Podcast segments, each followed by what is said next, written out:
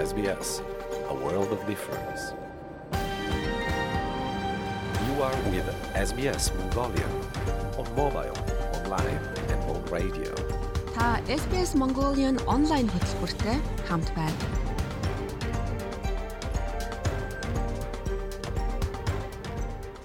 Сайн байцгаана уу? Австрал зугаа монголчуудаа SBS радиогийн монгол хэл дээрх хөтөлбөрийн маань сар шинийн баярын өмнөх шин дугаар эхлэхэд бэлэн боллоо.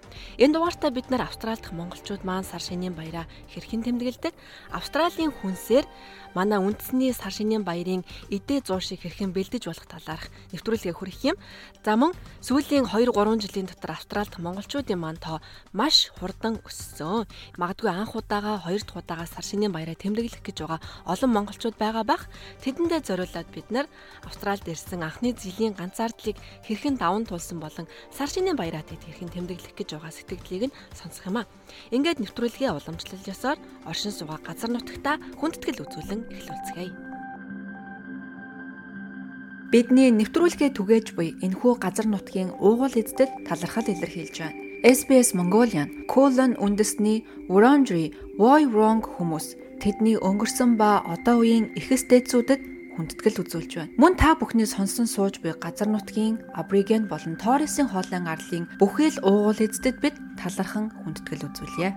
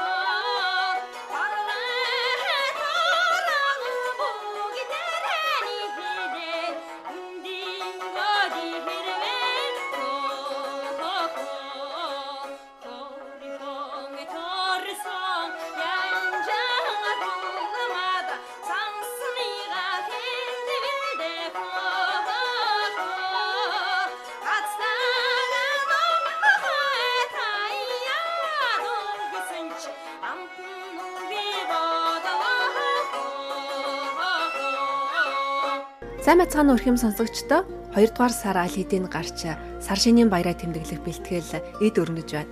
Аз төдийгүй дэлхийд даяар тэмдэглэдэг болсон энэхүү хаврын баярыг Австралид ч мөн маш өргөн тод тэмдэглэдэг. Дэлхийн хамгийн олон үндэст нь нэгэн дор амьдардаг улсын хувьд сар шинийн баярыг олон өнгө өөр соёлыг нэгтгэсэн өвөрмөц байдлаар тэмдэглэдэг юм. За энэ дунд монголчууд биднээс соёлж бас нэгэн өөрийн гэсэн гайхалтай өнгийг нэмж нэгэн шигтгэн болд юм а. SBS Mongolian сар шинийн баярт зориулсан тусгай цуврал нэвтрүүлэг бэлтгэн хүргэж байна. Эхний дугаараа бид Австралид ирээд анх удаа цагаан сарын баяраа тэмдэглэх гэж байгаа монголчуудтай зориулж байгаа юм. Австрал дахь монголчуудын тоо сүүлийн 2 3 жилийн дотор асар хурдтай өссөөр аль хэдийн 15 мянга давсан.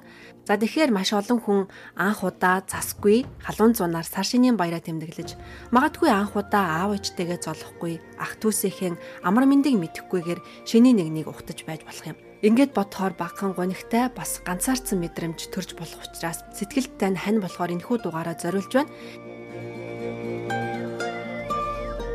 Нэвтрүүлэгтээ бид 3 зочинтой ярилцсан. Эхний зочин маань Австралид 27 жил амьдарсан мөнх жаргал, за Мельбурнд амьдардаг мөөгийг гэвэл олон хүн таних бах. Монголчуудын цагаан сар эмэгтэйчүүдийн баяр, хүүхдийн баяр зэргийг зохион байгуулдаг гэвэл бүр олон хүмүүс илүү сайн таних баха. За мөөгийн оюутан багтаа Австралид ирсэн. Түүний хувьд анх Австралид ирээд энэ баярыг хэрхэн тэмдэглэдэг байсан талаарх дурсамжийг нь би туулцсан юм а. Аа баярлалаа. Ундра. Өстой гоё нэвтрүүлэг байна. Цагаан сарын нэвтрүүлэгт орж байгаа одоо би бол өөрийгөө аягүй азтай гэж бодож байна. Би бол жишээлбэл яг оюутан байхад цагаасаа эхлүүлээл цагаан сараа гэрээсээ аягүй хол байсан болохоор яаж иж байгаа заавал тэмдэглэдэг байсан. Оюутан байхын миний тийм гоё дурсамжтай үеуд гэдэг юм бол одоо жижигхэн ширээ засчдаг. Тэр чинь бол Монгол хүний ёс учраас тийм ээ. А үгүй бол заавал нэг битүүний хойроо бүр цадтлаа ингээд нэг гоё шилтэй бууз өөрөө бүр хийж иддэг байсан. Тэрэндээ өөрөө кайф аваад тэр чинь бол өөрөө өөрийгөө хүндэтгэж байгаа. А дээрэс нь бас оо Монгол би Монгол хүн шүү учраас те тэрнийгээ бас хүндэтгэж ингэж ёслж байгаа нэг ёслол гэж би боддог. Оюутнууд ч гэсэн залуучууд бас өнөөдөр бас яг тэгдэг бах те ганцаараа байгаа оюутнууд бол айгүй зөндөө байгаа.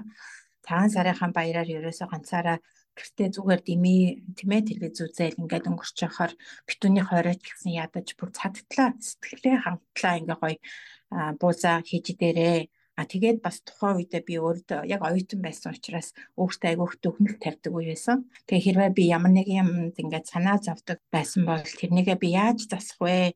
Одоо ингээд тийм ээ шин сар ирлээ шинэ он гарлаа. Би яг юу юун дээр анхаарах хэрэгтэй вэ? Яаж энийгээ сайхан болгох вэ? Өөртөө одоо улам тийм сайхан тайван амьдралыг яаж ихлүүлэх вэ гэсэн тийм бодол жил болгон би яг өөрөө хийдэг. Аа тэгэхээр бүр оюутны цагаас эхлүүлээд би өөрөө бидний ба нэг багын тийм нэг юм ёс заншил ч юм уу нэг юм туршилт үлдсэн байх шиг байгаа нэ. Одоо ч гэсэн би цагаан сараар ямар ч байсан хоёр хүүхэдтэй болсон. Аа тэгээд бид нэр тэ одоо Монгол улс хатан гэр бол учраас энэ үеэр яг л нэг австралчууд 100 сарынхаа баяраар аав ээжтэйгээ заавал очиж уулздаг, заавал хоолдог, юм ярьдаг, тэ сонин сайхнаа ярьдаг. Тэрэн шиг яг л Монгол би Монгол хүн учраас гэр бүлтэйгээ хүүхдүүдтэйгээ битүүний хоороо Монгол хоолой хийж идээд сар шинийхаа өглөө одоо гэр орноод цэвэрхэн угтдаг хүүхдүүд өөрснөө бас цэвэр нэм бай цэвэрхэн хувцастай. Цонх хүртэл ядаж янз бүрийн толбогч гэдэг юм уу те? Бидний нэг тиймэрхүү жижиг сажиг юмнууд байдаг штэ те. Тэднийг бол ямар ч хэлсэн хадгалж үлдсэн. Тэгэхээр бас яг бидний гоё Монгол хүнийг мэдрүүлсэн тийм гоё баяр юм уу гэж би боддог.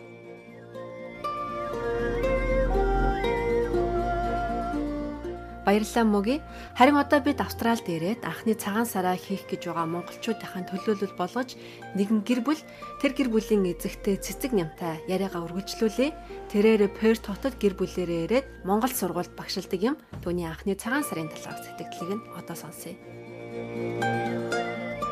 Ам байна уу? Баярын мэнд хүргье. Миний хувьд бол Перт хотод ирээд одоо жил болох гэж байна. Анх удаа энд хар шинийн баярыг байгаа их сонирн байна.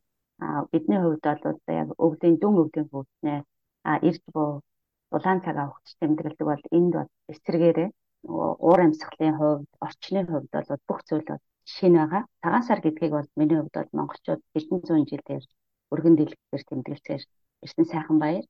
За энэ баяр нь бол бас улс орныхоо тусгаар давтмалын томоохон бэлэг тэмдэг тусгаар улс гэсэн тийм бэлэг тэмдэг болсон баяр гэж бас боддог байгаа. Тэгээ Монгол хүн учраас бас энэ баяраа энэ орчиндоо энэ байгаа газар өргөн дэлгэр амьдхан тэмдэглэхийг гэж байгаа гэдгийг хэлье. Сар шинийн өдрүүд болоход одоо маш цөөн хоног үлдсэн байна. Та Монгол уламжлалаараа бэлтгэлээ хэр базааж байна? Сар шинийн шинийн нэгний өгөл ямар төлөвлөгөөтэй байгаа вэ? За миний хувьд бол бас яг л нөгөө Монголд байдагтайгаа адилхан л одоо энд нэг гэр бүлэрээ байгаа учраас Монгол байдагтайгаа яг адилхан л урдчилсан бэлтгэдэг хийж байгаа ажлынхаа завтайгаар баг багаар бид нар буудаачинтэй бэлтгэсэн байгаа. Ширээ цэцгаар бас бэлтгэсэн байна. За тэгээд бас нөгөө нэг цагаан сарын шинийн нэгний өглөө бүгдээрээ монголчууд бид нар нөгөө мөрөө гаргадаг, зүг гаргадаг гэдэгтэй. Тэгэхээр бас гэр бүлийн гишүүдийн хувьд аль зүгрөө мөрөө гаргах гэдгээ бичээ тэмдэглээд бэлтгэл ажлаа бас хангаад л явж байгаа.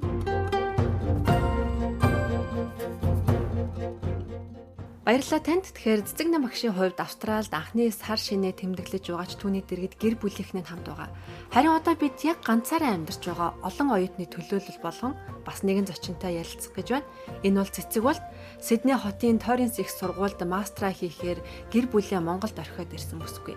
Ирэх жилийн цагаан сар гэхэд нөхөр хүүхдүүдэд авчирээд элэг бүтэн сайхан шинэлэндээ хэмээн тэр ярьла бусдад урам өгөх түүний яриаг одоо сонсцгоё. Сайн уу ундраа өдрийн мэнд. За өдрийн мэнд. Тэг цэцэг болдоо чиний анхны сар шинийн баярын сэтгэл ер нь ямар байна? Би Австралид ганцаараа ирчихсэн байгаа. Тэгээд гэр бүл маань Монголд байгаа учраас энэ жилийн сар шинийг ер нь баг ганцаараа эсвэл найзуудтайгаа угтах шинжтэй байна. А ер нь бол харж анзаарч байхад бол Австралид одоо ирээд бас нэг жил арай хүрээгүй байж байна тийм ээ. Тэгээ энэ хугацаанд бол бас сар шин гэхээр бас нэг ууц тавгийн идэ юмнаас эхлээд энд чинь бас их өөр байдгийн юм шиг байна тийм ээ. За гэлээгээд бас монгол хүн учраас ёс саншлаа дагаад бас зам мөрөө гаргана сар шинийн одоо шинийн нэгнийхээ өглөөг сайхан мондж байгаа нараа гаргаад харчихна Тэгэл өөрийнхөө хэмжээнд бас ёс заншлаа дээдлэл цагаан сарыг одоо ганцаараа ч гэсэн угтандаа л гэж бодож байна. Ер нь анх удаа ингэж гэр бүлээс хол цагаан сарыг тэмдэглэх гэж байна уу? А тийм тийм ер нь бол гэр бүлэрээ л дандаа сар шин тэмдэглэдэг байсан. Анх удаа гэрээсээ хол гаван цараа л тэмдэглэж байна да. Гэр бүлээсээ хол байна гэдэг бол бидний хувьд маш том сорилт болж байдаг. Энэ сорилт нь эргээд илүү ихийг бүтээх заримдаа хүч өгдөг, заримдаа шантрах шалтгаан болдог шүү дээ. Тэгээд манай цэцэг болдын хувьд бол Австралид ирээд яг мастрын чиглэлээр сурж байгаа учраас бас ачаалал жигтэй байгаа бах шинэ улсад суурших сорилтууд ч их байгаа бах тийм ээ. Ер нь А одоогийн байдлаар бас арай дээрдэж байна. Ер нь бол ингээд анх ирсэн цагаасаа эхлээд маш их юу гэдгийг сэтгэл зүйн хувьд өөрчлөлтөнд орж тийм ээ. Ер нь их айгүй их стресс, депрессд орж а маш их сорилттой нүүр тулсан.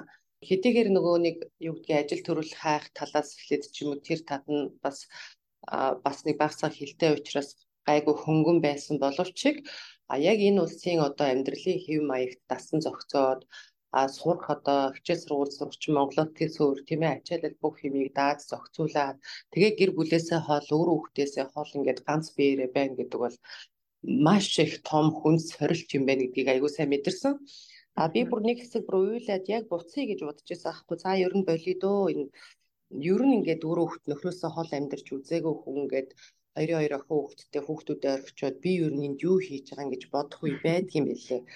Тэгэнгуутаа яг ингээд буцъя гэд бодонгууд бодож ирсэн чинь манай найзууд ингээд мэдчихсэн. Тэгэнгуутаа найзууд манад хэлсэн. Ерөөсө буцах амархан чи маргааш чи явж болно миний найз. Энд ирэх гэж мөрөөдөл болсон монголоор дүүрэн хүмүүс байна. Ямар хэцүү вүлээ Тэгэл бодороо гэж хэлсэн үг намайг амар ингээд олон юм бодоход хүргэсэн байхгүй юу. Нээр нь тийштэй би чи одоо тий ингээд асар их зардал мөн гаргаад асар их ажил болоод ингэж ирчээд би яагаад буцах гэж байгаа юм бол гэд ингээд нэг өөрчлөгдсөн. А дараа нь би дахиад нөгөө эмордг нэгтэл тий хямрдаг ихлээл дахиад ингээд эрэнгууд хүүхдээ санаад байна. За ер нь буцъя да ер нь тгий да гэж ингээл ээж минь уртл уцаар ярьснаа миний охин гар хурууны монисэн байна. Хурдан хүрээ дээр яшиг маргааш тийзээ аваад шууд ир хай над сургуулаа гэж ингээд ярихаар нь бас нэг найз маань надад зөвлөж байгаа байхгүй юу?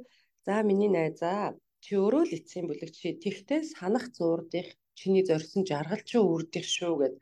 Энэ үгнүүд намайг бүр ингээд үнэхээр айгүй босгосон байхгүй тэнхээ өгсөн.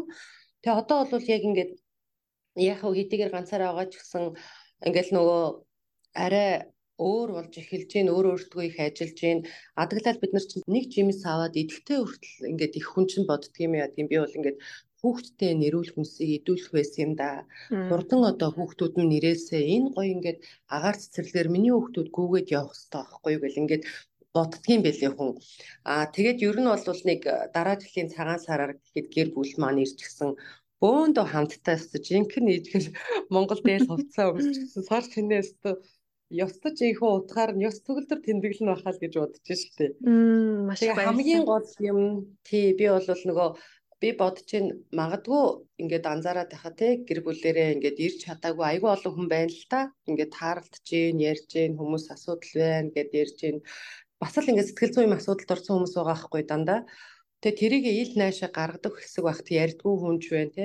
Тэгэхээр ер нь ингээд битгий хямраараа, битгий бууж өгөөрөө бүгдээр ингээд яг ийм ганцаардсан ийм асуудалтай гэр бүлээсээ хол байгаа хүмүүс мань хамгийн чухал юм зүгээр өөртөө сайхан ажиллаараа, бясалгал хийгээрээ, өөрийгөө одоо сэтгэлээ хөнгөн байлгах ямар арга замууд вэ? Чи юунд дуртай байна уу те? Тэрийгээ сайн сонсож анзаараараа тэгэд өөртөө л сайн ажиллаараа л гэж хэлмээр байна да энэ тэнгэрт айгүй олон одод ингээд төгдөг те. Эдний одоо энэ оддуудыг одоо дэлхийн өнцөг булан бүрээс австралид ирсэн хүмүүс гэж төсөөлвөл тэрний нэг нь л бий байхгүй юу? Надаас илүү асуудалтай маш олон хүн байгаа гэж бодож өөрийгөө тайвшруулдаг байсан. Аа тэгээд сүүлдээ бол ер нь яг ингээд автобусанд суугаад явахдаа нэг 5 минутын 10 минутын бясалгал хийж жишээний за ингээд оройдоо ингээд ирээд унтахынхаа өмнө нэг юу гэдгийг нэг жоохон гараад дасгал хөдөлгөөн хийгээд те энэ сайхан байгаль орчин цагаагаар байхад гүүгээд нэг өөрийгөө ингээд нэг арай сэргээгээд авч ийн Маш их баярлалаа. Яг чиний хэлснээр Австралид маш олон хүмүүс шинээр ирж байгаа. Зөвхөн эндээс нэг тоо хэлэхэд сүүлийн 2 жилийн дотор л гэхэд монголчуудын тоо ер нь баг 3 дахин нэмэгдсэн.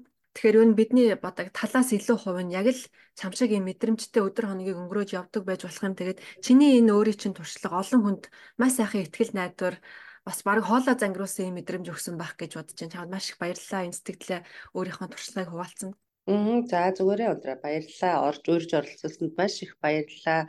Тэгээ ямар ч байсан энэ дэлхийн цагаан сараар бол а найзуудтайгаа найзуудын да өдөр нь очив баярлж байх гэж бодож байгаа. Тэгэхээр нэг их сэтгэлээр унахгүй юм шүү. Тэгэхээр ганцаараа хүмүүс гэсэн битгий сэтгэлээр унаараа. Ганцаараа ч гэлээ сайхан цайныхаа дээжийг өргөөд дээл хувцас өмсөө тий өөрөө өөртөө одоо тэрүүхэн тэндээ ёслоод нэг жоохон мах чанж идэх юм уу хитгэн бууз хийж идээд ингээд нэг сайхан ёс төгөлдөр цагаасаараа угтчих бас боломж бидэнд байгаа шүү л гэж хэлмээр байна.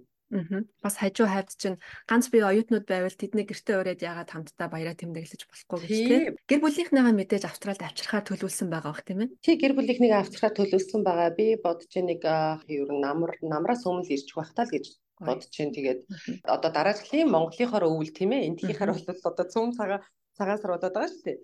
Тэгэхээр яг энэ цагаан сарын үеэр бол ирчихсэн байх уу хаа гэж бодож шүү дээ. Тэгээд тэр үед хэрвээ хэрвээ одоо боломж юм таарах юм бол айгүй сайхан нөгөө гэр бүлэрээ тэмдэглэж мэдгэлж байгаа талаараа бас нэг. За тэгвэл дараагийн ярилцлагын яг энэ болцоогоо тогтоогоод эрэгчл хоёлаа гэр бүлээрээ хоёр охинтой сайхан нөхөртэй энэс хашины баяраа тэмдэглэж байгаа. Тэр гоё мэдрэмжийг дахин хуваалцъя. За Ерөөл Батаршгэ баярлалаа ундраа.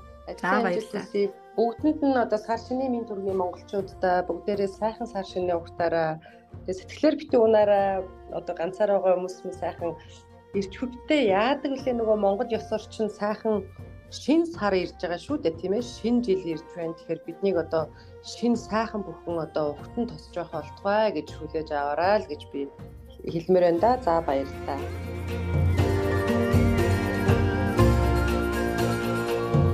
Баярлалаа цэцэг болдоо. Сар шинийн баярыг өгтөж байгаа энэ хүү сайхан өөдрөг мэдрэмжээ бидэнтэй хуваалцсанд маш их талархлаа. Тэгээ нэвтрүүлгийн ихэн төгсгөл таны ойр хавьд магадгүй ганцаараа амьдарч байгаа оюутан гэр бүлээ төлөөлөд ирсэн хэн нэгэн байх юм бол та гэртээ ураад Монгол өв уламжлалаараа хамтдаа сайхан баяраа тэмдэглээрэй гэж уриалж байна. Ингээд Монголын үндэсний сар шинийн баяр зориулсан тусгай нэвтрүүлгийн маань эхний дугаар их өндөрлөж байна. Дараагийн дугаартаа бид Монголын цагаан сар Австралид хэрхэн гэрэлтдэг тухай ярилцах юм. Австралид олон жил болсон монголчууд маань өв соёлоо хэрхэн тэнгэрч сар шинийн баярыг яаж тэмдэглэдэг тухайд бид ярилцах юм аа.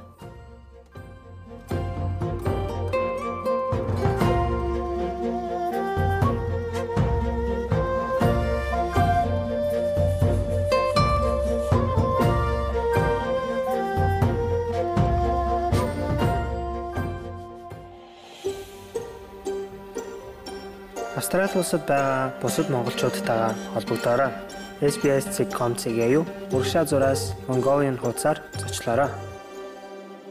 SBS.com.cg ташуу зураас Mongolian таны онлайн өргөө байх болно. SBS.com.au/mongolian та хамгийн сүүлийн үеийн мэдээ мэдээлэл сонин сайхныг хүлээ авч сонсоорой. Та SBS Монгол нэвтрүүлэгтэй хамт байна. Сайн бацгаана уу? Та Австралид өөрийн бизнесээ эхлүүлэхээр төлөвлөж байгаа бол энэ дугаарыг танд санал болгоё. Австралийн жижиг бизнесүүдийг өсч өндөхөд олон талаар дэмжлэг үзүүлдэг. Innovaц бизнес эрхлэлтийг дэмжих таатай дэд бүтэц ур чадвартай ажилчдаас гадна засгийн газрын зүгээс бизнесийг өсч өндөхөд дэмжлэг тусламж татварын хөнгөлөлтүүд ч бий. За энэ бүхнийг хэрхэн авах болон мэрэгжлийн хүний зөвлөгөөг одоо танд хүргэе лайк, share, комент үлдээгээрэй. SBS Монгол Facebook хуудсыг дагахаа мартаоцай.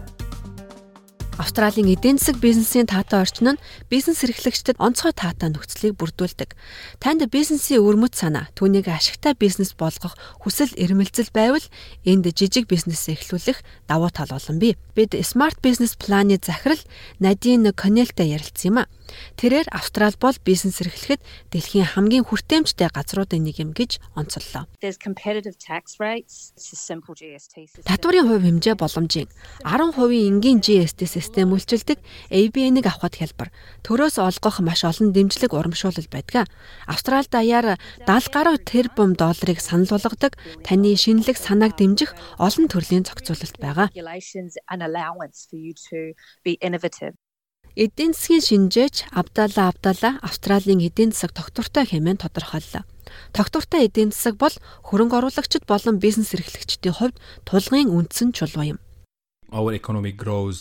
Манай эдийн засаг ковидын үед баг зэрэг уналт ажиглагдсныг их тооцвол тогтвортой өсөж байна. Сүүлийн 30 орчим жилийн хугацаанд бид тогтвортой өсөлтийг харж байна. Ноён авдааллах нэмж хэлэхдээ Австрали улс бизнес эрхлэгчдэд зориулсан хууль эрх зүйн орчинг маш сайн бүрдүүлсэнийг тодтоглоо.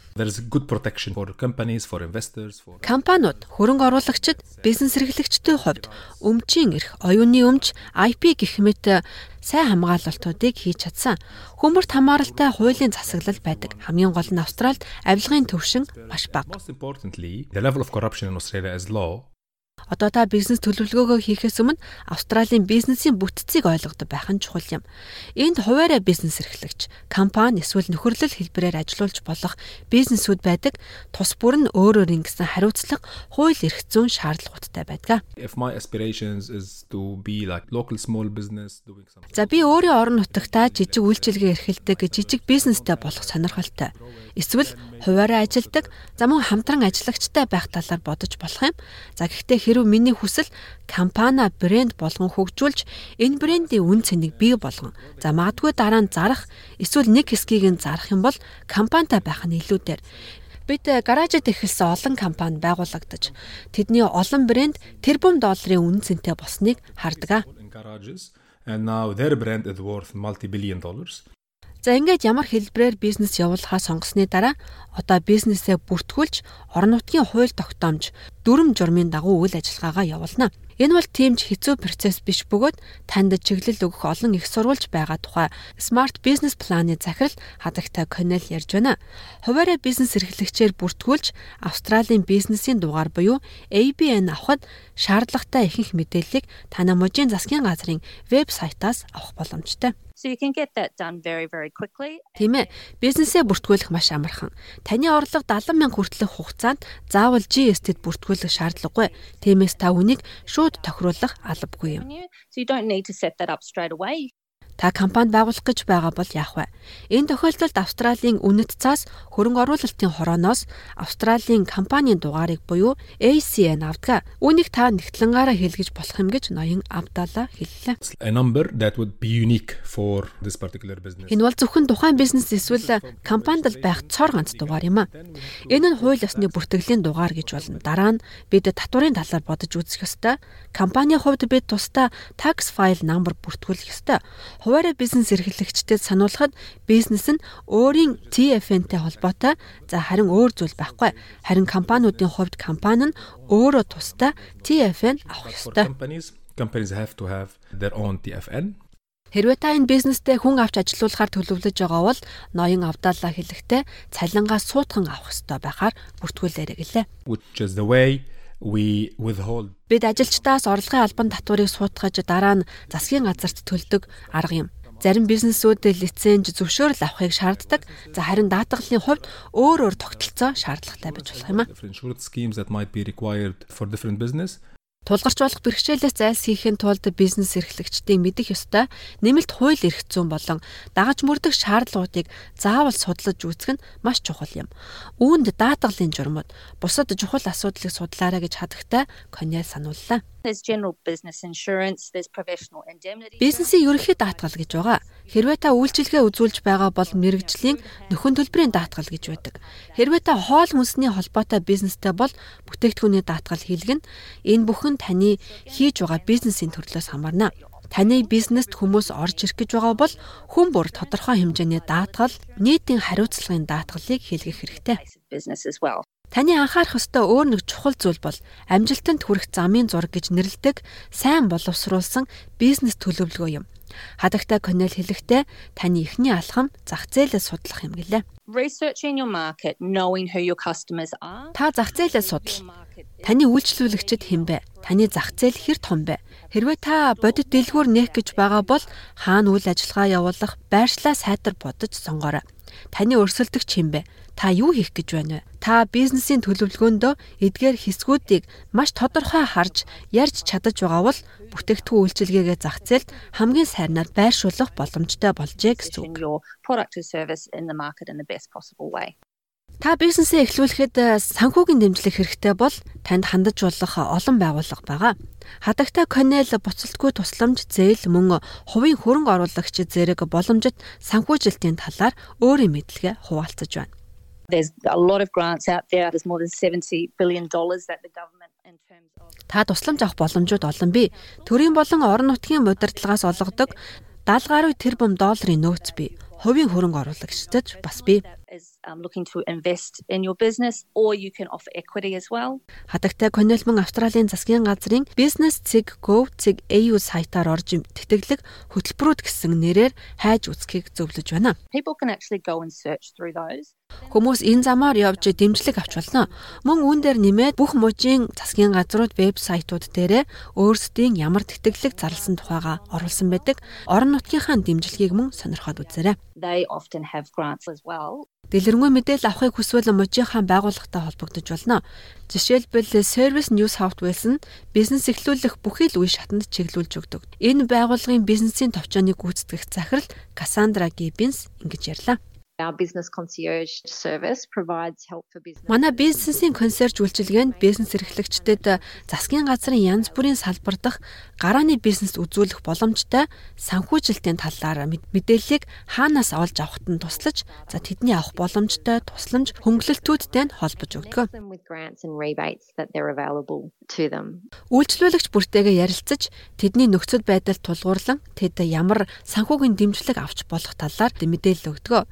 Хадагтай Коннел танд бизнес эрхлэх хүсэл мөрөөдлөө биелүүлэх анхны алхмуудыг хийхийг зөвлөж байна. Бизнесийн санаагаа судлаж хүмүүстэй холбоотой болж харилцаа үүсгэх, тэднийг улам сайжруулахаас эхлээрэй. Амжилттай бизнес бүр нэг алхмаас эхэлдэг гэдгийг битгий мартаарай.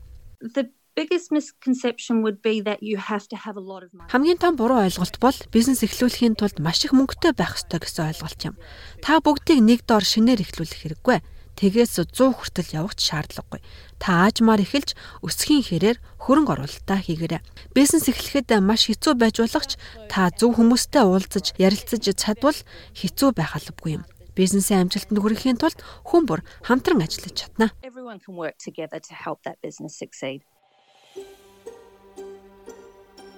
Австрали улсад байгаа бусад монголчуудтайгаа холбогдоорой. SBS.com.cg юу уршаа зураас Mongolian хуудасаар зочлоорой. Thank you.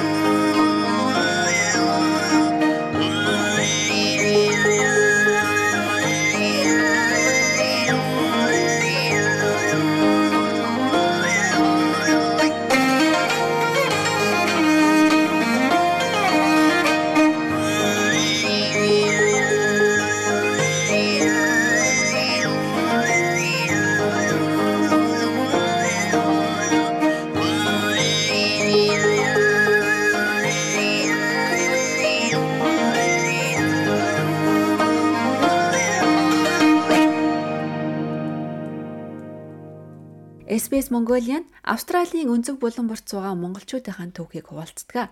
Ингээд манай ярилцлагын болонд анхаарлаа хандуулно. SBS A World of Difference. Сайн мэцгаано SBS Mongolia сонсогчдоо тун удахгүй сар шинийн баяр болох гэж байна. SBS Mongolia сар шинийн баярын ширээгээ засахад танд туслах зөвлөгөө өгөхөөр энэ удаагийн дугаараа эхлүүлж байгаамаа. Бид баярын ширээний тавгийн бов, эдээ шүүсээ хэрхэн бэлдэх, айраг цагаагаар цагаан эдээг өөрсдөө яаж хийх тухайга ярилцах гэж байна. Австралид байгаа монголчууд яг л Монголд байгаа шигээ ширээгээ засах бүрэн боломжтой. Харин яаж гэдгийг та энэ удаагийн ярилцлагаа сонсоорой. Манай өнөөдрийн зочноор Perth хотоос Номин оролцож байна. Сайн уу намаа? Сайн байна уу өндрөө? За мөн Сидней хотоос MJL Bakery гэдэг Монголын анхны бэкери яг үйлдвэрийн түвшинд үүсгэн байгуулж байгаа шин тулга оролцож байна. Сайн уу шин тулгаа? Сайн байна уу өндрөө?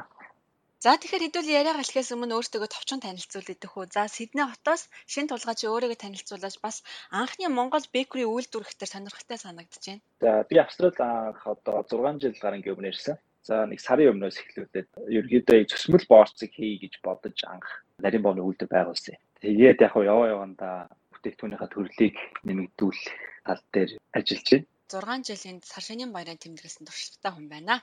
За намаа өөрийгөө төвч танилцуулаач. Би болохоор бас Австрали улсад 2011 онд анх ирж исэн. 90 очин ерөнхийдөө нэг 6 жил байсан байна Австралид. Намаа бол бас өөрөө яг хүнсний салбарт ажилладаг юм мэрэгчлээ хүн. Тэгээд та хоёрыг урсны учир бол одоо шин тулгын зөвсмөл бол монголчууд энэ нь маш алдартай болж байна. Номиогийн цагаан эдэг Квинслендийн монголчууд бүр ам уралдан багтдаг юм билээ. Тийм учраас өнөөдөр онцолж ярилцлагандаа ирсэн юм шүү. За тэгээд бүгдээрээ үндсэн ярилцлагандаа оръё. За номиогоос эхлэе гэж бодож байна. Номиог одоо сар шинийн ширээн дээр тавих сайхан цагаан эдэгээ бид нар яаж бэлдэж болох вэ? Австралид маш олон төрлийн сүү эдэг. Тэ хоёлаа сүүнээс эхлэе. Ямар сүүн Монголын цагаан эдэг хийхэд тохиромжтой байна вэ? Аха. За Монголд э, байдаг сүүнүүдтэй адилхан манайх одоо хөрөлсөн сүү, шин сүү гэж байдаг. Long life milk нь болохоор хөрөлсөн сүү учраас одоо шин сүүг хөөрүүлээд тий халуун болоод буцаагаад 37 температурт хөргөх тийм цаг алдахын оронд шууд тэр long life milk буюу хөөрөлсөн сүүгийг аваад хийчих юм бол цаг хэмндэг. Оо за за. За хамгийн түрүүнд хоёлаа ямар цагаан эдэ хийхийг заах уу? Аха хамгийн түрүүнд мэдээж тарагнаас эхлэх нь зөв бах гэж бодож байна. Тэгээд сүүгээ ингээд нэгдүгээр сонгоод авчлаа. За тэгээд тарга бүрхтээ тарга бүрхэд бид нарт эхлээд сүү хэрэгтэй. А дээрэс нь бид нарт тарганы хөрөнгө хэрэгтэй. А би болохоор тарганы хөрөнгөө аалдыгаар зарагддаг natural hot set yogurt гэд байж байгаа. Тэрнээс аваад тэгээд тарга одоо зуны цагт манай австралч юм бол айгүй халуун байдаг. Тэгэхээр гадаа нэг 3 4 хоног тарга эсгэж ягаад тэр эсгсэн таргаараа тарга бүрээд тэгхийн бол бүрсэн тараг маань сайхан гашуун болоод тэгээ тэрүүгээрээ аруул гэх юм бол илүү гоё час хийсэн амттай тийм Монголд иддэг байсан шиг тийм аруул болж байгаа. Мэдээж энэ ч одоо чиглэг амьсгалтай болохоор Монголд байдаг шиг аруулыг хатаахад хэцүү. Аруулаа хатаахта dehydrator гэд машин хэрэглэсэн. Яг Монголд байдаг шиг айгүй гоё хатуу гашуун аруул хийцэн байгаа шүү дээ. Тэгээд тэрнгээ dehydrated дотроо хийгээд нэг 24 цаг эсвэл бол хэр зузаан нэгнээс шилтгаалаад 24-48 цагийн дотор хатаагаад тэгээд гаргаж ирсэн. Ийм машингүй хүмүүс яаж хатааж болох вэ? Аа өвөнд хийсэн гэж бас сонссон. Өвөнд хийх юм бол мэдээж бас температура хамгийн бага дээр нь тавьж агаад удаан хугацаагаар хатаан. Гэхдээ би өөрөө бол тэгэж хэрэгжилж үзээгүй. Хүмүүс тэгэж хэрэгэлсэн гэж сонссон. Аа тэрнээс гадна хүмүүс бас зүгээр нэг өрөөнд утас ингэж ууж агаад утсанд харуулнуудаа үлгөөд хийж хатаасан гэж сонссон. Би тэгтээ бол өөрөө тэгэж туршиж үзээгүй. Би бол өөрөө тэр dehydrator татаасан. За, хоёлаа ааруул хийх гэдэг айгу товчхон яриад өнгөрчлөө. Ааруулах процессыг хүмүүст жоохон тайлбарлаад ярил. За тарагтай болчлоо тий. Тарагийг заавал өөрөө эсэхгүйгээр дэлгүүрээс тараг аваад ааруулаа хийж болох уу? болно. Хэрвээ тарга дэлгүүрээс аваад түрүүний миний хэлсэнчлэн тий natural pot set yogurt аваад хийж болно. Тэгэхээр өөрөө бүрхийн ашигтай тал нь нэгдүгээр эдийн засгийн хэмнэлтэй, хоёрдугаарт ам чанараа өөрөө тохируулна. Тийм болохоор өөрөө бүрх юм бол илүү амттай болно гэсэн үг. Аа тэгээд тарга бүрснийхаа дараа арцаа буцалгана. Тийм зөөлөн гал дээр байнгын хутгаад тэгээд утахгүй бол нөгөө доороо наалтаад тэр хэсэг нь түлэгдчихнэ.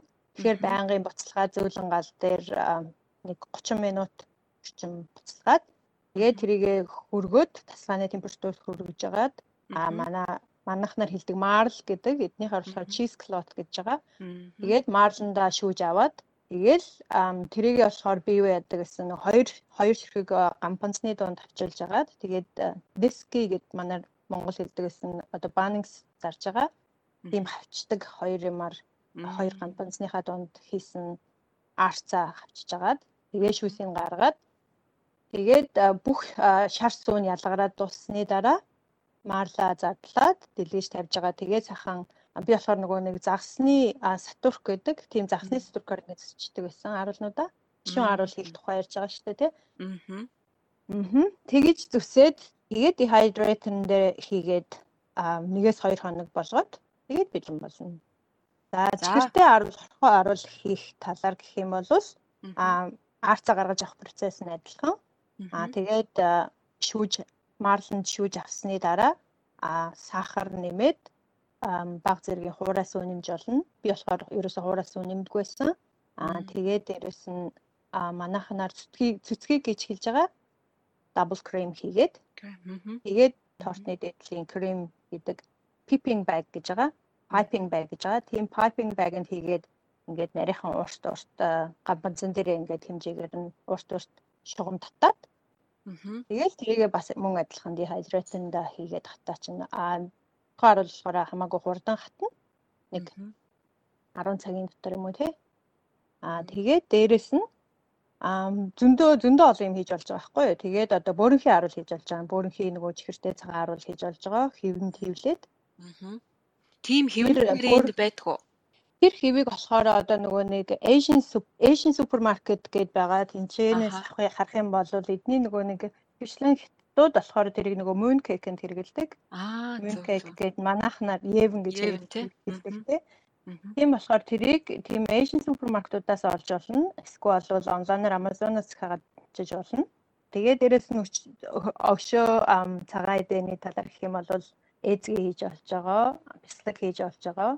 Аа тэгээд өрөм хийж болж байгаа гэх мэтлэн зөндөө боломж байгаа. Энэ ааруулнаас нэрээ санаа авахад Монголд бас ааруулаар тавг засч болдог тий. Хивээ сайхан. Ааруулаар жигд бөөрөнки хийж чадах юм бол тавг засч болох юм шүү дээ тий. Аа. Тэгэхээр тгийж хийж болно. А гашуун ааруулаараа бас тавг засч болно. А гашуун ааруул нь арай жоохон бор болох уу? Тийм гашуун ааруул нь хамаагүй бор өнгөтэй болж байгаа. За тавгийн эдээ ярьсных шин толготойгоо одоо ярилцъя. А танаа зүснэл бол монголчууд бидний хувьд одоо идэх дуртай амттан маань болжээ. Би хүртэл Мельбурнээс захиж авч иддэг гэж боддоо. Хоёр удаа үзсэн амар гоё байсан. Тэгээ тэрнээс би улбаалаад энэ зураг авч чинь Монголын сайхан тэр хавгийн эдэний боов хийж болох юм биш үү гэж удаа чамааг урьсан бохгүй юу? Чи одоо энэ монгол хүмүүс сар шинийн баяраараа яаж боов одоо тавгийн боовод хийж болох вэ? Зөвлөгөө өгөөч. За цагаан сараар юм бол яг уул боов буюу зүгээр хэвийн боовыг бол гэртээ хийгээд айгу хэцүү. Аа тийм баха. А тэгэхээр яг амархнаар нь гэх юм бол гүрмэл хийж болно. Аа. гөрмөл гээд одоо Монголын баруун аймгийнхаа их хийдэг. Нарийнхан уурт тий. Тийм ба. Тэр бол хийхэд айгүй амархан. За яаж хийх вэ? За одоо хоёлаа нөгөө зурмагтаа орох энэ ч одоо маш олон төрлийн гурилнаас эхлээд олон төрлийн одоо масл биш үү? Тэр болгоны сайхан яг тохирохыг хэлээд өгвөл. За тэгээ. Би зүгээр 1 кг гуриланд л таарахаар. За тэгээ. Аа. 1 кг гуриландаа 200 г масл. Гурилан зүгээр энгийн гурил бах уу эсвэл магадгүй өөрөө эсдэг эсэг зүгээр энгийн эсэгчтэй. Аа. Аа. Зүгээр plain flour хийх хэрэгтэй. За. Аа 200 г масл, 200 г элсэн чихэр, 20 г давс, тэгээд 300 г орчим бүлээн ус, ерөөхдөө ботсон ус гэсэн халуун. Аа. Тий. Орцвол ингэж болно. А тэгэхээр дарааллын дагуу яах вэ гэхээр 300 г усанда 200 г маасл, 200 г элсэн чихэр, 20 г давсаа бүгдийг нийлүүлж хийгээд утгаж өгнө. Тэгэхээр тийм тараг тараг арай биш нэг цэцгийн маягийн тийм зурмаг бэлэн болно. Тий. Нэгэн гоё үнэртэж явах хэвээр шаргал өнгөтэй. За зурмага бэлдэнгүүт 1 кг гурилаа төгөөд игээд тэгээд зурмага маш баг багаар төвпөн рүүгээ одоо юу руугаа гурил руугаа хийж өгнө гэсэн үг. Шууд одоо зүгээр цөөнгийн гурил зуурдаг шиг бүгдийг хийчих юм бол болохгүй. Маш баг багаар гойжуулж хийнэ гэсэн үг гурил руугаа. Тэгээ хийж явах явцдаа сайхан гурилаа өөрөө базаад нохоод өгөх хэрэгтэй. За тэгээд зурмга одоо гурилаа бэлэн болгонгууд аль болох урт хугацаагаар амраах хэрэгтэй. За аль болох гоё тийм бутарсан тостой гоё өнгийн гөрмөл гаргаж авъя гэх юм бол аль болох урт хугацаагаар амраавал боорцог гоё болно гэсэн үг. За ойлголоо. Тэгэхээр ерөнхийдөө хамгийн багтаа 30 минутаас дээш хугацаагаар амраана гэсэн үг. За тэгээд амраасан гурилаа а яг нэг жиг хэмжээгээр тасдаж авах хэрэгтэй. Тэгээ гэрийн нөхцөлд яаж амархан таст хэмжиж тасдаж авах вэ гэвэл яг а грамын хэмжүүртэй хүмүүсээ бол хэмжээ тасалсан. А байхгүй бол зүгээр цайны аяган дотор баг багаар таслаад цайны аяган дотор яг нэг цайны аяг болгоод тастаа тастаа тавьчих гэсэн үг. За тэгээд тастаж авсан гурилаа дунд нь үх гаргаад цагирган бов шиг болгоно. Донат шиг. Аа. За яг тий донат шиг. А тэгэнгүүтээ а жижиг тавган дээр тос бэлдээд ургамлын тос, наран цэцгийн тос одоо ямар ч тос байж болно. Аа. Тос бэлдээд гараа сайхан тослоод тэгээд цагир нөгөө цагиргалсан боо юугаа гурилаа тусалж өгнө. Айл болох сайн тусалж өгнө. Гараараа тий. Тэгээд тий гараараа ерөөсөө л үтсэн гараараа үзэн. Тэгээд цагиргалсан боорцгоо ингээд гараараа ингээд сайхан базаад нөгөө тостой гараараа. Аа. Базаад ингээд тойруулаад байна гэсэн үг. Аа. Аль болох ингээд нарийнхан болгоол явуулаад байна гэсэн үг. Аа. Одоо сур сур илтэж ийн гэсэн үг л дээ. Аа. Тэгээд маш нарийнхан болгохт нь явна. Ерөнхийдөө өөрийнхөө нэг чигчэн урууны хэмжээний бүдүүнтэй болтол нь ингэж гараа сайн тослоод нухаад байна гэсэн үг. Базаад байна. Тойруулаад ингээд юм ирэх одоо эргүүлж байгаа юм шиг тойруулаад базаад байна гэсэн үг. Тэгэхээр аяанда ийм урт гонжирлцсон тийм юу болчихно. Тэгтээ тасраагүй юм одоо үргэлж байж тээ тий? Тасраагүй. Үргэлж байна тий. За тэнгүүтээ тэрийг сур ороож байгаа юм шиг нэг нэг төө орчим хэмжээтэй уртаар мучгаад өг. Одоо боовныхоо уртаар гэсэн үг тий? Тийм боов ямар урттай хиймээр энэ тэрийг тэр хэмжээгээрээ өөрөө тохируулаад одоо нэг хуруунд дээр ч юм уу гарын дээр ингээд тохоо тохоод явчихна гэсэн үг байхгүй юу? Айгүй урт болсон байгаа шүү дээ. Бараг бараг 5 6 м урттай болсон байгаа. Тэрийг одоо гарн дээрээ ингээд тохоо тохоод явчихна гэсэн үг. Аа. Тэгээд одоо тэгэнгүүт ингээд нэг юм юу болно. 30-40 см урттай. Аа. Ингээд яг багсралцуугаас харахад нэг юм гоймон шиг, хятад гоймон шиг болно. Аа. Тэгэнгүүт нь хоёр талаас нь жоохон сунгаж татчихагаад хоёр эсрэг чиг рүү эргүүлээд өгнө. Мушгаад өгнө гэсэн үг. Аа за. Тий, одоо дээд талын дотогш нь мушгаад доод талын гадагш мушгах гэсэн үг. Аа. Эсрэг чигэлт нь эргүүлээд өгөхөөр угаасаа хоорондоо барьцалтаад хоорондоо таталтаад яг нөгөө гүрмэлийн одоо хатад яг гүрмэл хэвээ олно гэсэн үг. Аа. За нэгэнд хэвээ олсон боорцгоо дахиад юун дээр тавина. Гамбанзан дээр тавиад. Аа. Нэг хэсэг амраагаад Одоо ихтер хэвэнд нь барьцалтуулна гэсэн үг байхгүй. Аа. Тэгээд нэг хэсэг амраагаад тэгээд тосоо бэлтэнэ. Тосоо халаана. Тосоо болохоор 160 градус дээр наран цэцгийн тосонд хайрна. Ер нь бол борцыг зөвхөн яг наран цэцгийн тосонд л хайх хэрэгтэй. Гал ихтлэх юм бол борцог чинь харлаа түлэгдэнэ. Батартлан түүхэрнэ. А багтах юм бол бүр цав цагаан өнгөтэй болно. Тэгтээ дотоод нь дүүгэн. Тэгэхээр яг гадаа бол маш сайн дагалах хэрэгтэй. 160 гэдэг чи одоо эндхийн газар бол дунд 50-д тавьчихад болох уу? Аль 50-д тавих уу? Газар тий ер нь бол маш бага гал гэсэн үг. 160 градус өөрөө маш бага гал тий. Аа. Маш бага гал дээр л хайрна гэсэн үг. Ерөнхийдөө хууршуур хайрдаг шүү дээ тий. Аха. Тий яг л хууршуур хайрдаг гал гэсэн үг. Тий. Тэгээд хайруулан тагундаа хийгээд хайрна. Яг нэг кил гурилнаас нэг 5-аас 6 ширхгэл одоо гурмал гарах баг. Тэгэхээр чин 3 үеэр 3 засыг гэдэг чинь 9 боо бид нарт хэрэгтэй шүү дээ. 3 үеэр 3 засыг гэхээр 9 боо хэрэгтэй. Ер нь бол яг ёсоо ёсоо бодох юм бол 5-аар 3 үе явах хэрэгтэй. Аа за. Тий. Залуу нь ихэвчлэн залуу гэр бүлүүд л байх та. Залуу гэр бүлүүд бол 5-аар 3 үе засах хэрэгтэй. Аа. За ингээд тэгээд боо маань юм болно да. Өнгийг харж агаад гаргаад мэдээж хооронд нь наалдуулахгүй хэвийг наалдуулахгүй сайхан хатаачих бах тий. Тий. Нэг 10-аас 15 минут хайхад болно. Аа за за. Чин дотроо. Тэгээ ерөнхийдөө өөрөө өнгөө хараад бүр их борлож харлахаас өмнө л гаргана гэсэн. Тэгээ ерөнхийдөө гөрмөл бодоод ерөнхийдөө түүхээр нь гэж айх хэрэггүй. А яг яг Монгол уул боо хэвийн боо хийх юм бол асуудалтай. Зузаан юм чинь тий. Маш тий ерөнхийдөө түүхэрдэг. За. За бид нар ингээд ширээн дээрээ сайхан гүрмэл боовтой олчлоо. Дээр нь намаагийнхаа хийсэн аруулуудыг тавьж болж байна. Хорхон аруулаа сайхан тавиад чимгэлж штэ тий. Аа. Тэгээд ерөөхдөө цагаа эдгээрээ чимгэлж. За одоо өөр хажууд нь юу тавьж болох вэ бүгдээрээ ширээн дээрээ? За дээр одоо махаа цанж тавина да тийм ээ. Нэрэ махны тухайд бид нар ямар боломж байгаа вэ? Ууц тавих 50 50 гэвэл тавьж болно. Аха. Нөгөө нөгөө голооцнууд байгаа шүү дээ тийм хэлгээд авч болно. Тэгээ ууцаа тэр чигээр нь томоор нь чаана гэсэн үг л дээ. Тэгэхээр бараг боломжгүй шахав. Аа тэгэхээр одоо өвчүү зүгээр өөр яс чанаад тавьж бол. 74 өндөр гэж ярьдаг шүү дээ тий. Тийм 74 өндөр чанаа тавьж бол. Намайгийн хувьд энэ эдэ шүүсэн дээр ямар санаа байна? Тий эдэ шүүсэн дээр саяны шинжилгээн хэлсэнчлэн өвчгөө тавьж болно. Бүрийн өвчөө хэрвээ тий одоо бууча эдрээс юу ах юм хурав гэсэн үг шүү дээ тий хүрээ мах. Тэгээд тэрийгээ өөрөө эвдээд өвчөө хүрийн өвчөө тавьж болно. Эсвэл бол хоньныхаа махыг өөрөө бас бүтнээр нь худалдаж аваад манай Монгол яс санчлалынхаа дагуу эвдээд тэгээд заавал юу гэхгүйгээр ууц бүтэн ууц гэхгүйгээр зүгээр махнуудаа шанаа тавихад бол гоёлдог. Тийм шүү дээ тий. За махвал боломжтой юм байна. Ингээд бодлоо. Өөр ямар цагаан эдэ тавьж болох байна юм аа?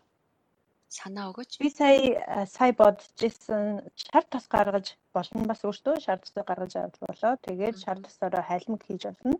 А бүх юм цагаан өнгөтэй байх тоо цагаан идэ тавих ёстой. Тэгээд дээрэс нь нөгөө сүтэ будаа брес гэдэг тийм тэрийг тавьж болно.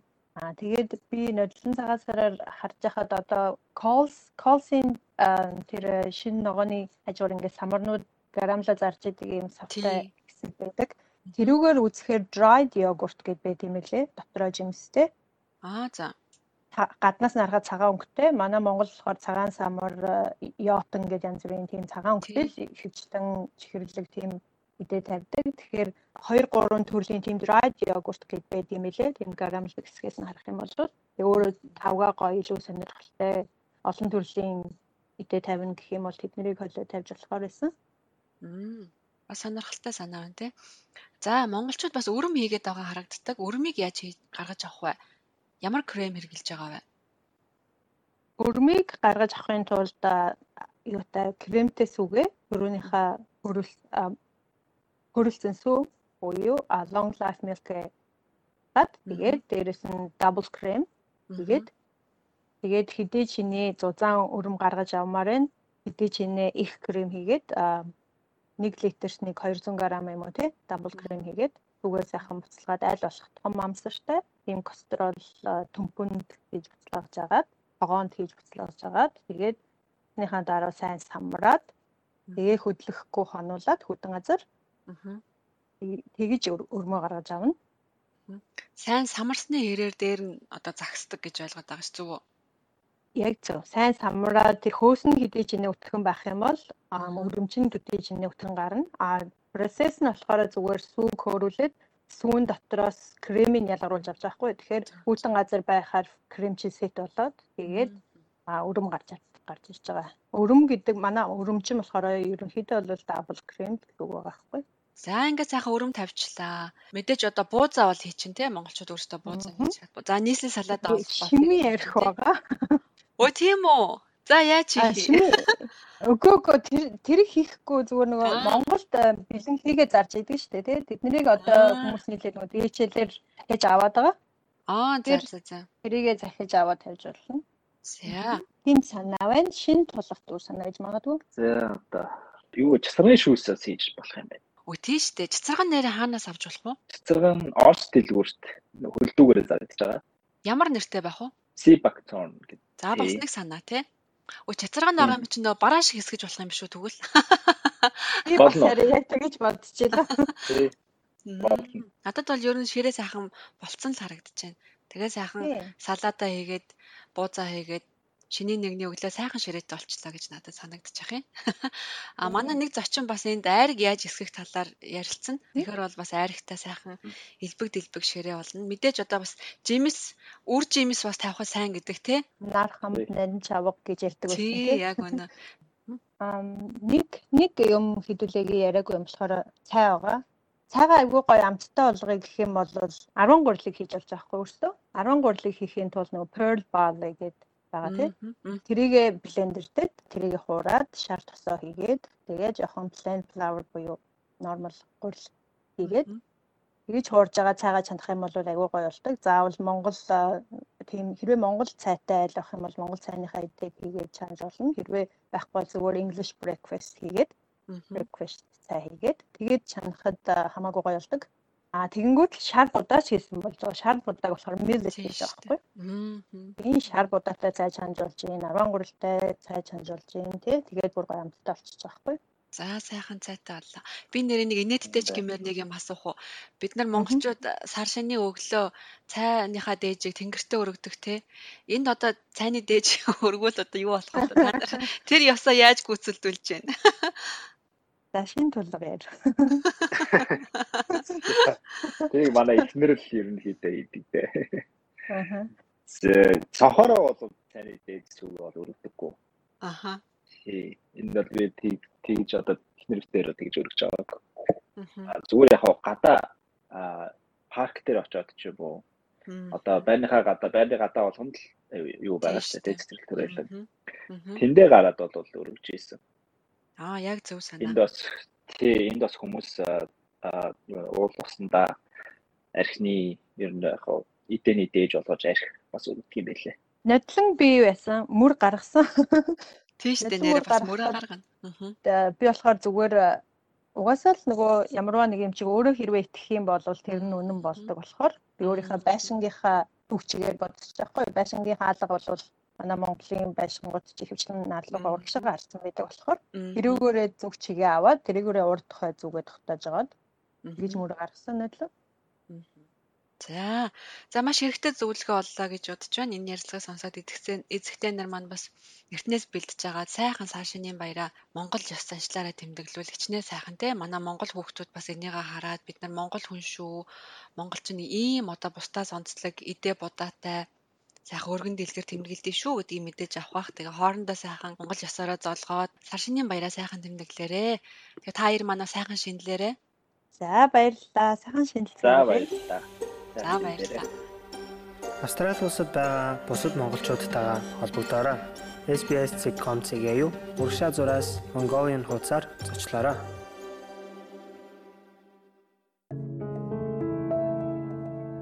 SBS аудио аппликейшнийг татаж дуртай хөтөлбөрөөр сонсоорой. Та App Store эсвэл Google Play-с үнэгүй татаж авах боломжтой. Та SBS Монгол нэвтрүүлэгтэй хамт байна. Гэдэсний хавдрын эмчилгээг зөв тодорхойлох дэлхийн анхны аргыг Австралийн эрдэмтэд нээлээ. Австралчуудын дунд тохиодог амь нас алдах эрсдлээр хоёр дэрэмлэгддэг. Гэдэсний хорт хавдар хэрхэн эмчлэг төлөвлөгөөг дэвшүүлэхэд энэхүү нээлт туслах юм. SBS Монгол хэлээр Гэдсэний хорт хавдартай өвчтнүүдийн эмчилгээг илүү үр дүнтэй болгох судалгааг Мельбурний судлаач дээжээ. Судалгааны хүрээлэнгийн профессор Питер Гибс хэлэхдээ энэхүү судалгаа нь хавдрын эсрэг илүү сайн хариу арга хэмжээ авахд туслах зорилготой юм гэлээ. We're trying to do is to get better at selecting the best treatment for patients. Бид бүдүүн гидсний хор тавдартай өвчтнүүдэд хамгийн сайн эмчилгээг сонгох судалгааг хийж байгаа юм а.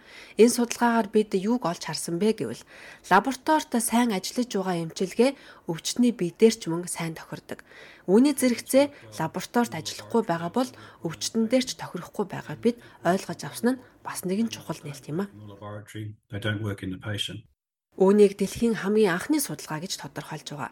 Тэдний судалгаа нь гидсний хор тавдартай өвчтнүүдийн хавдрын дээжийг ашиглан органоид буюу элсний ширхгийн хэмжээтэй 3 хэмжээст загварыг бий болгож түүнд нь тохирох эмчилгээг лабораторид туршиж үзэж байгаа юм. За профессор Гибс хэлэхдээ лабораторийн эмчилгээ нь эмийн эмчилгээний үр нөлөөг 83%-аар наривчлалтайгаар урьдчилан таамаглах боломжтой болохыг олж тогтоосон гэлээ.